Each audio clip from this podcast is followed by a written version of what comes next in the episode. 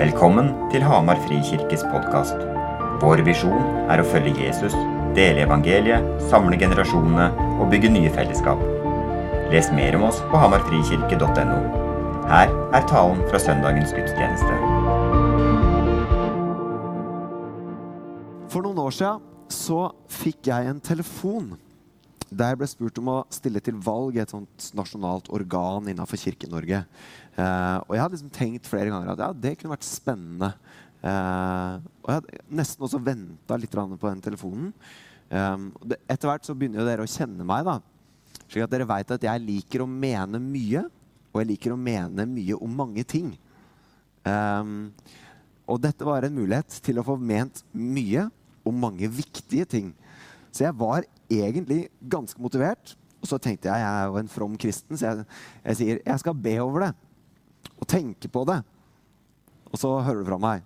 Så la jeg på telefonen, og så fikk jeg den klumpen i magen og ble småkvalm. Jeg husker det her var liksom tidlig morgen. Helt, Trine hadde ikke stått opp ennå at jeg fikk den telefonen. Så jeg gikk inn bare Trine, sånn og sånn og sånn. Jeg, jeg må si nei. Um, og jeg, jeg, var motivert, men jeg fikk den derre eh, Den klumpen i magen som jeg opplevde som et veldig fysisk kommunikasjon fra Den hellige ånd. At dette er farlig. Ikke gjør det. Og jeg, jeg kom veldig fort i konflikt med meg sjøl, for jeg merka at dette vil jeg. Men hvorfor vil jeg dette? Og jeg ville det for min egen skyld. Jeg ville det for å få innflytelse. Det var en fristelse til makt og til innflytelse. Um, og her var det bare å holde seg unna. Og så er det, Det var én erfaring, og jeg klarte å si nei til en veldig konkret fristelse. Og så er det så utrolig mange andre ganger hvor jeg ikke har klart å si nei. Eh, hvor jeg både har kjent klumpen i magen, eh, eller det har vært ting hvor jeg har tenkt dette, dette sier jeg ja til. Vi skal lese en bibeltekst i dag, og søndagens bibeltekst, som er en introduksjon til fastetiden, er Jesu erfaring av fristelse. Um, det er en grunn til at dette kommer helt i starten av fastetiden og forberedelsen til påsken. Fordi kampen mot fristelse, den vil vi aldri slippe unna. Martin Luther, reformatoren, han snakka om at fristelse kommer fra tre retninger. Det kommer fra vårt eget kjøtt, vår egen kropp. Det kommer fra verden rundt oss, og den kommer fra djevelen. At vårt eget kjøtt, det er Bibelen, det ordet, det er kjøtt, kjød, var en sånn gammel oversettelse, det er våre lyster som er vrengt og ødelagt av syndefallet. Det er egentlig ting vi lengter etter som er godt men som har blitt vrengt, som blir til lengsler etter noe som er usunt, eller eh, som er skadelig. Begjær er et sånt ord som brukes ofte om det. Det er vårt eget kjøtt. Verden rundt oss, Ikke sant? det er ytre faktorer som frister oss. Skaperverket og mennesker rundt oss som trekker på oss, som frister oss. Eh, som er en makt som påvirker oss utafra. Den erfaringen med den telefonen det var jo en fristelse utafra som trigga også en fristelse inni meg. Um, den trigga en indre fristelse til å bli stor, til selvhevdelse. Men det var en fristelse som kom utafra. Og den tredje tingen det er djevelens fristelser. Og det er liksom, Bibelen forteller ganske tydelig om en personifisert ondskap. En ond makt som virker personlig, som står imot alt Guds rike. Og da skal ikke vi tenke en rød djevel med horn, for da, da, lar vi oss påvirke altfor mye av kultur og kirkehistoriens forsøk, å, forsøk på å lage et bilde av djevelen. Det er en usynlig ondskap. Um, men det Luther sier, er at djevelen prøver å rive fra oss troen, håpet og kjærligheten. Kjærligheten til Gud, kjærligheten til oss selv og kjærligheten til mennesker. Djevelen søker å føre oss ut i vantro ut i falsk sikkerhet, inn i fortvilelse og inn i gudsfornektelse og avgudsdyrkelse. Og i dagens tekst så møter vi Jesus som fristes av denne personifiserte ondskapen. Så jeg ta litt vann.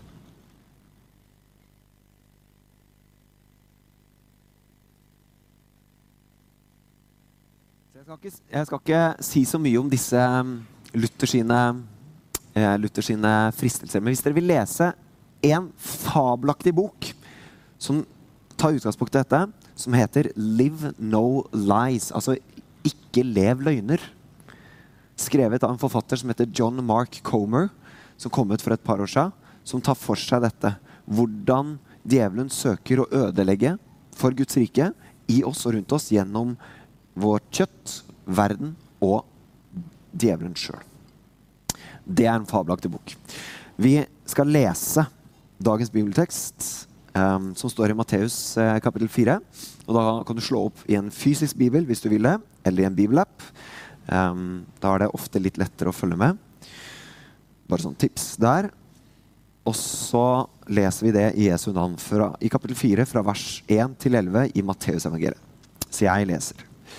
Jesus ble så av ånden ført ut i ødemarken for å bli fristet. Det som har skjedd rett i forkant her, er at Jesus har blitt døpt, og han har hørt Guds stemme fra himmelen som sa, 'Dette er min sønn, den elskede, som jeg har glede i'. Så Jesus har blitt døpt, fått høre Guds stemme over seg om at han er elsket, og så skjer dette. Jesus blir ført av ånden ut i ødemarken for å bli fristet av djevelen. Han fasta i 40 dager og 40 netter og ble til sist sulten. Da kom fristeren, altså djevelen, til ham og sa, Er du Guds sønn, så si, steinene, så si at disse steinene skal bli til brød. Jesus svarte, det står skrevet, mennesket lever ikke av brød alene, men av hvert ord som kommer ut, kommer fra Guds munn. Da tok djevelen ham med til den hellige byen, Jerusalem, stilte ham ytterst på tempelmuren og sa, Er du Guds sønn, så kast deg ned herfra.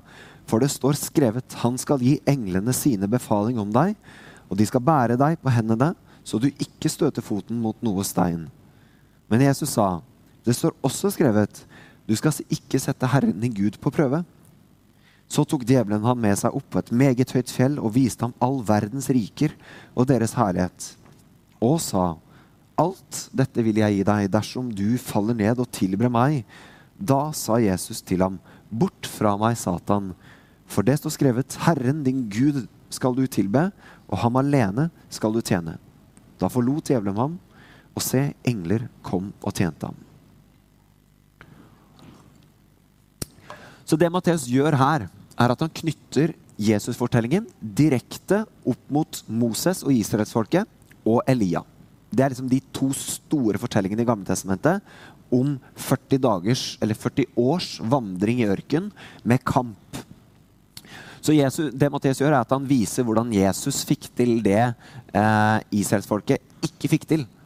Han er den nye Israel, han er den nye Moses. Så det er en veldig sånn smart måte å knytte sammen gamle, gamle testamentet med Jesus-fortellingen på. Og etter 40 dager med faste og forberedelse så kommer fristeren. Og da var Jesus svak i sitt fysiske jeg. Men han var sterk i sitt åndelige jeg, og han var klar for å kjempe. Og det er et sånt paradoks for oss å tenke at ved å bli fysisk svak, eller rasjonelt svak, kanskje, mentalt svak, så knytter vi også det opp med at derfor er jeg åndelig svak. Ikke sant? Mens hele i den gamle jødiske tradisjonen og kirkehistorien så kan du lese hvordan de holdt disse to tingene veldig tydelig oppe samtidig. Det er ikke nødvendigvis sammenheng mellom din fysiske, personlige styrke og din åndelige styrke. Og fasen er en måte å kjempe med det på. At du viser nei, jeg søker å bli åndelig sterk gjennom å bli fysisk svak. Så Jesus, Nå skal jeg gå kjapt gjennom de tre fristelsene som Jesus erfarer, og så får vi noen bilder på det, og så skal vi gå videre etter det. Jesus han er sulten, forståelig nok, og Gud, eller djevelen frister med brød. Henry Nowen, en eh, brasiliansk eh, eh katolsk Eh, prest. Han har skrevet en bok om lederskap ut fra disse fristelsene. Og han sa at spesielt for ledere, det som Jesus fristes til her, er en fristelse av relevans. Det som er mest aktuelt nå, det som er superrelevant for Jesus, er mat. Og Henry Nauen sier det er lederes alltid store fristelse et søken etter å være relevant. Og kanskje kirkens store fristelse en søken etter å være relevant for de som er utafor kirken. Vi skal oppleves relevant. Og så glemmer vi at Guds evangelium, evangeliet, de gode nyhetene om Gud, alltid er relevant. Det er en fristelse å tro at vi må pakke det inn på en annen måte for å gjøre det relevant. Og Poenget her, slik jeg leser Matteus, da, er at djevelen frister Jesus med å få dekt de fysiske behovene fordi han er sulten. Mens det Jesus parerer med, er å si nei, de åndelige behovene er viktigere fordi jeg lever av det Gud sier. Jeg lever av Guds mat. Og dette er jo noe av essensen i det å faste. ikke sant? Og for de av dere som leser avisen Dagen På fredag så var det en kjempespennende artikkel med en ung voksen i Bergen som uh, uh, har jobba masse med faste. Og så sa William Grosås, som er lektor på NLA, um, han sa dette om faste. Gjennom å faste fra ting som i utgangspunktet er godt, sånn som mat, så setter man til side et gode for å gi plass til noe som er bedre, nemlig Gud og relasjonen med Han. Vi kalibrerer, altså justerer og innstiller hjertet vårt og lærer å elske i rett rekkefølge. Og i vår vestlige, moderne virkelighet, hvor vi har fri tilgang på mat, fri tilgang på godteri og goder, det er verdt å spørre seg om kanskje vi har gjort mat og nytelse til en avgud som vi elsker mer enn Gud. Ikke nødvendigvis bevisst, men ubevisst.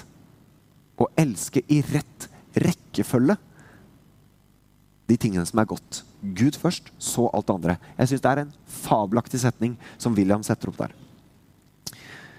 Jesus avviser derfor djevelens fristelse ved å vise at mennesket lever ikke av brød alene, men av Gud, fordi det er Gud som er kilden til liv. Primært det åndelige, så, både det åndelige og det fysiske. Gud er kilden. Han er den vi skal elske først. Og han er den som er utgangspunktet for livet vårt. Det er Gud, hans nærvær, hans mat og hans liv vi først og fremst trenger. Og fasen er en måte ved kroppen å synliggjøre det på. Gud, akkurat nå er du viktigere enn mine fysiske behov. Og så kommer djevelen inn og frister Jesus på det punktet, men Jesus parerer med å si nei. Gud er faktisk viktigere enn mine fysiske behov. Andre fristelse foregår på tempelmuren i Jerusalem, mest sannsynlig foran massevis av folk. Fristelsen skjer gjennom at djevelen prøver å bruke Guds eget ord mot Jesus. Han tar Guds ord, han siterer Bibelen og vrir og vender på det så det blir en halvsannhet. Og det er veldig fascinerende. I hvert fall vi som kaller oss bibeltro. Vi tenker jo at bare noen siterer Bibelen, da er det good to go. Men det betyr jo at alt må prøves, ikke sant? Opp mot hva som er Guds egentlige intensjon. Og Jesus parerer med en annen sannhet fra Guds ord som ikke er vrengt og ikke er ødelagt. Henry Nowen han kaller dette en leders fristelse til å være spektakulær. Kast deg utafor, så alle menneskene får se at Gud redder deg.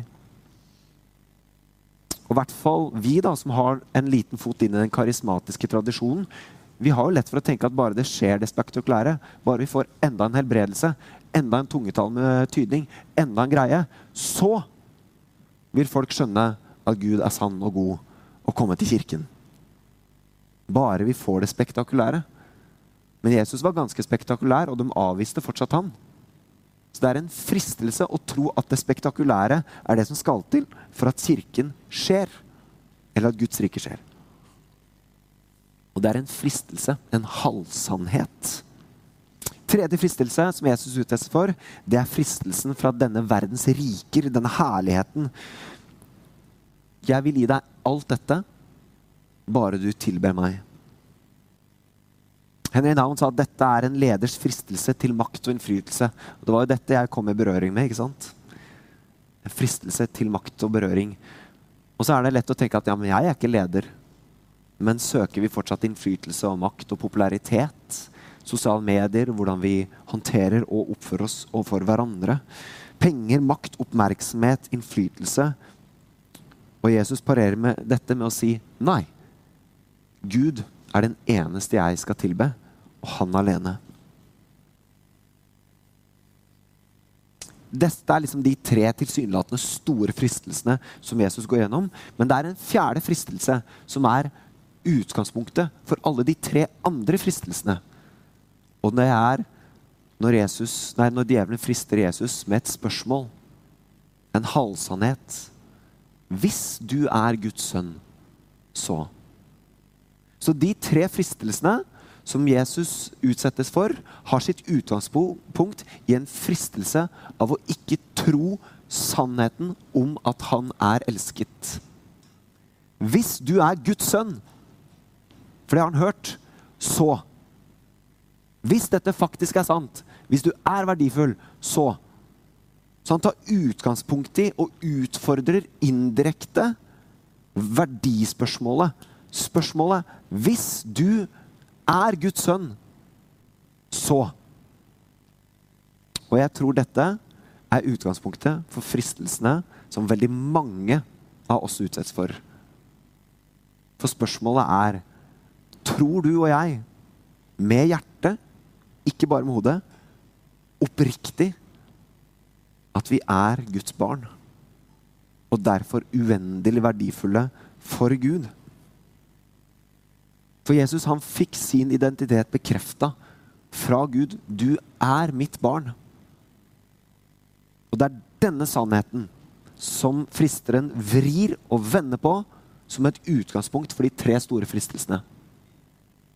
Det er ikke fristelsen til relevans, det spektakulære eller avgudsdyrkelse det egentlig handler om. Det handler om et spørsmål om en sannhet, tror jeg, trodde Jesus oppriktig at han var elsket. La meg ta dere tilbake til første Mosebok, kapittel 3. Som jeg har vært, De av dere som følger bibelleseplanen, så har jo den vært siste tida. Og Så leser vi der fra, i kapittel 3 fra Jeg kan ta med siste vers i kapittel 2, og så leser vi fra vers 1 i kapittel 3. Dette er om kvinnen og mannen som er skapt, og det står begge var nakne både mannen og kvinnen, og de skammet seg ikke for hverandre. Slangen var listigere enn alle ville dyr som Herren Gud hadde laget. Den sa til kvinnen, har Gud virkelig sagt? Og da hører dere kanskje det spørsmålet som Jesus ble stilt. Hvis du er Guds sønn, har Gud virkelig sagt? At det er en gjenklang der. Har Gud virkelig sagt at dere ikke skal spise av noe tre i hagen? Kvinnen sa til slangen, vi kan spise av frukten på trærne i hagen, men frukten på treet som står midt i hagen, har Gud sagt. Dere må ikke spise av den, og ikke røre ved den, for da skal dere dø. Da sa slangen til kvinnen, dere skal slett ikke dø. Men Gud vet at den dagen dere spiser av den, vil øynene deres bli åpnet, og dere vil bli som Gud og kjenne godt og vondt. Nå fikk kvinnen se at treet var godt å spise av og en lyst for øyet, et forlokkende tre, siden det kunne gi innsikt. Så tok hun frukten og spiste. Og hun ga til mannen sin, som var sammen med henne, og han spiste. Og følg med nå. Da ble øynene deres åpnet, og de skjønte at de var nakne. De var nakne uten å skamme seg for hverandre. De brøt Guds bud. Hva var konsekvensen? At de innså at de var nakne. Og det opplevdes feil. Konsekvensen av syndefallet var ikke at de ble onde og kjipe og fæle. Konsekvensen var et forvrengt syn på hvem de var, og hvem den andre var. Det var menneskesynet som ble brutt først. De så at de var nakne. De flettet sammen fikenblader og bandt dem om livet. De måtte gjemme seg for hverandre. Da hørte de lyden av Herren Gud som vandret omkring i hagen i den svale kveldsprisen. I, I, mitt hode så er det sånn herre Tenk at Gud gikk sammen med dem og var til stede, og de hadde fellesskap.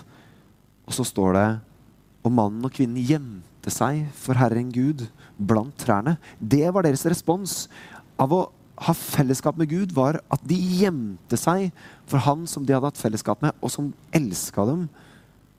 Og Herren Gud ropte på mannen og sa, 'Hvor er du?' Og han svarte, 'Jeg hørte lyden av deg i hagen og ble redd fordi jeg var naken, og jeg gjemte meg.' De gjemte seg for hverandre, og de gjemte seg fra Gud. Så konsekvensen av syndefallet, den første konsekvensen, var en opplevelse av skam over sin egen nakenhet. Overfor hverandre og overfor Gud. Jeg har jo vokst opp med en tanke om at konsekvensen av syndefallet er at jeg er en dritkjip type som alltid bryter Guds vilje. Ikke sant? Men tenk på det, det første som står, er en opplevelse av skam. En opplevelse av at de måtte gjemme seg.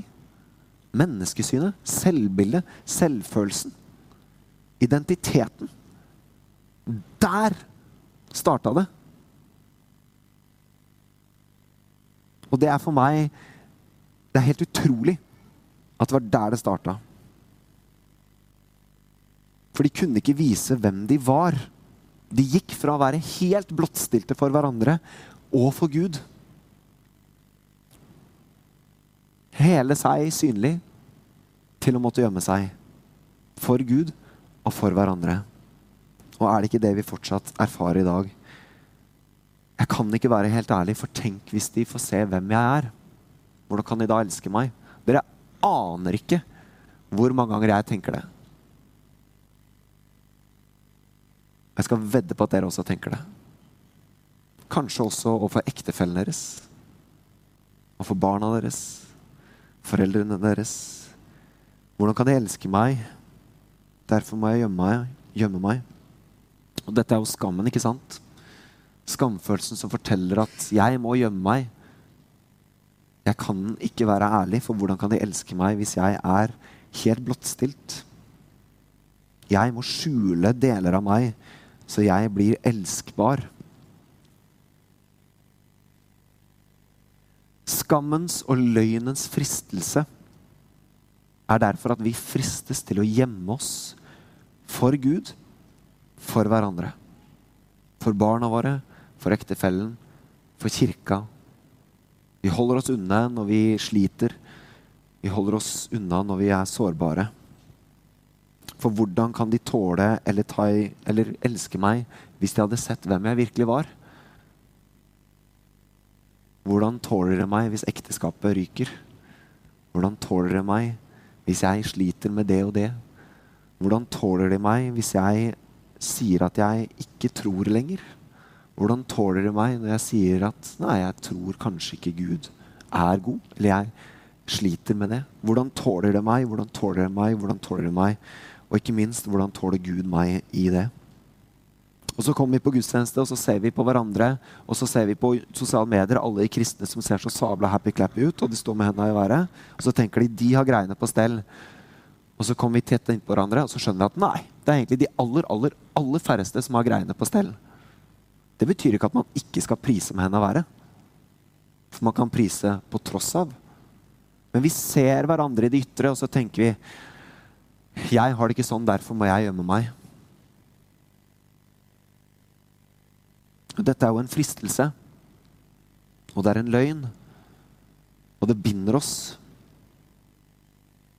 Og noe av det første jeg møtte når jeg kom hit til Hamar frikirke, det var en kultur av ærlighetsteologi.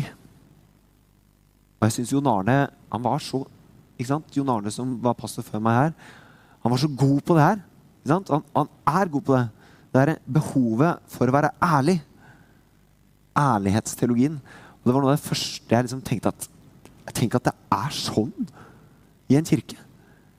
Og Jeg ble jo så glad i den kulturen, og jeg tenker at vi må kjempe for å bevare en kultur av ærlighet blant oss, imellom oss. Og så er det noe med at Ærlighet har sine grenser. fordi Hvis jeg er dønn ærlig med deg om hvordan jeg har det, så er det så stor sjanse for at jeg utleverer Trine, som jeg er gift med. Så det er jo noe med at Ærligheten har sine grenser. Jeg skal ikke fortelle deg alt om mitt liv. Og du skal ikke fortelle meg alt om ditt liv. Fordi da er det en stor sjanse for at du utleverer også noen andre som kanskje ikke har lyst til å være ærlig akkurat nå. Så det er noe med grensesetting her, da.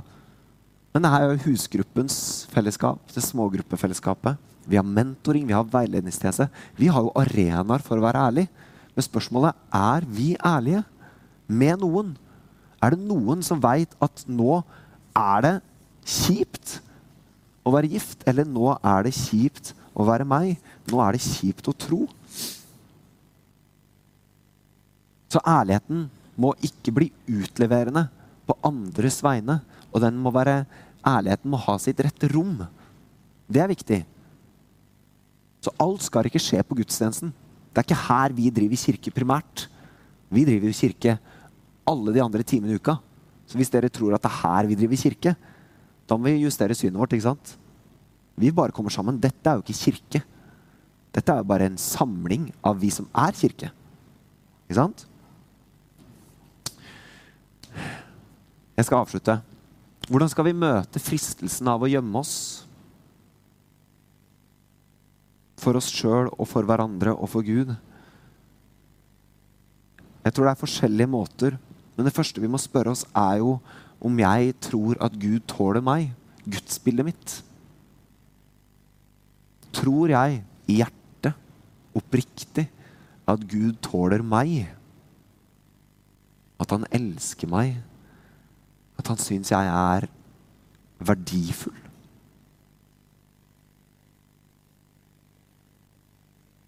Tror du virkelig det?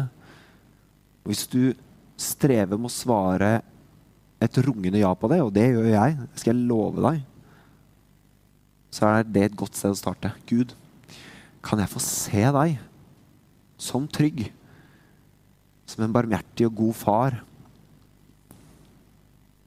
Det er det ene stedet å starte. Det andre stedet å starte er for noen en omvendelse. Gud, tilgi meg når jeg tror løgn, løgnen om hvem jeg er, og løgn om hvem du er. Tilgi meg når jeg ikke tror at jeg er verdifull. Og den syns jeg var fryktelig vanskelig å høre første gang. For jeg tenkte det er jo ikke min skyld at jeg ikke tror det. Det er ikke sånn at jeg ikke har prøvd. Sant? Men jeg tror det jo ikke, så det er jo en vantro der. Og spørsmålet tør jeg å omvende meg og be om tilgivelse for det? Og ta ansvar for det, sånn det er i dag? Så tror jeg det er noen av oss som trenger å senke skuldra, åpne hjertet, åpne hendene og si Gud, jeg trenger å ta imot. Og så kan det være du har gjort det mange ganger, men gjør det igjen. Og kanskje du ikke har gjort det noen gang. Jeg trenger å ta imot hvem du er, og hvem jeg er i deg. Jeg trenger å ta imot sannheten om at jeg er verdifull og elsket, og du er en god, varm, trygg Gud som har skapt meg og elsker meg. La oss be. Bare sånn ja, det er, det, Nå sier jeg veldig mye om et Jeg sier veldig lite om et sinnssykt svært tema. Jeg er klar over det. Så hvis du har spørsmål, kom til meg etterpå, så, så tar vi den samtalen. Men jeg tror dette var noe som skulle fram, så vi ber.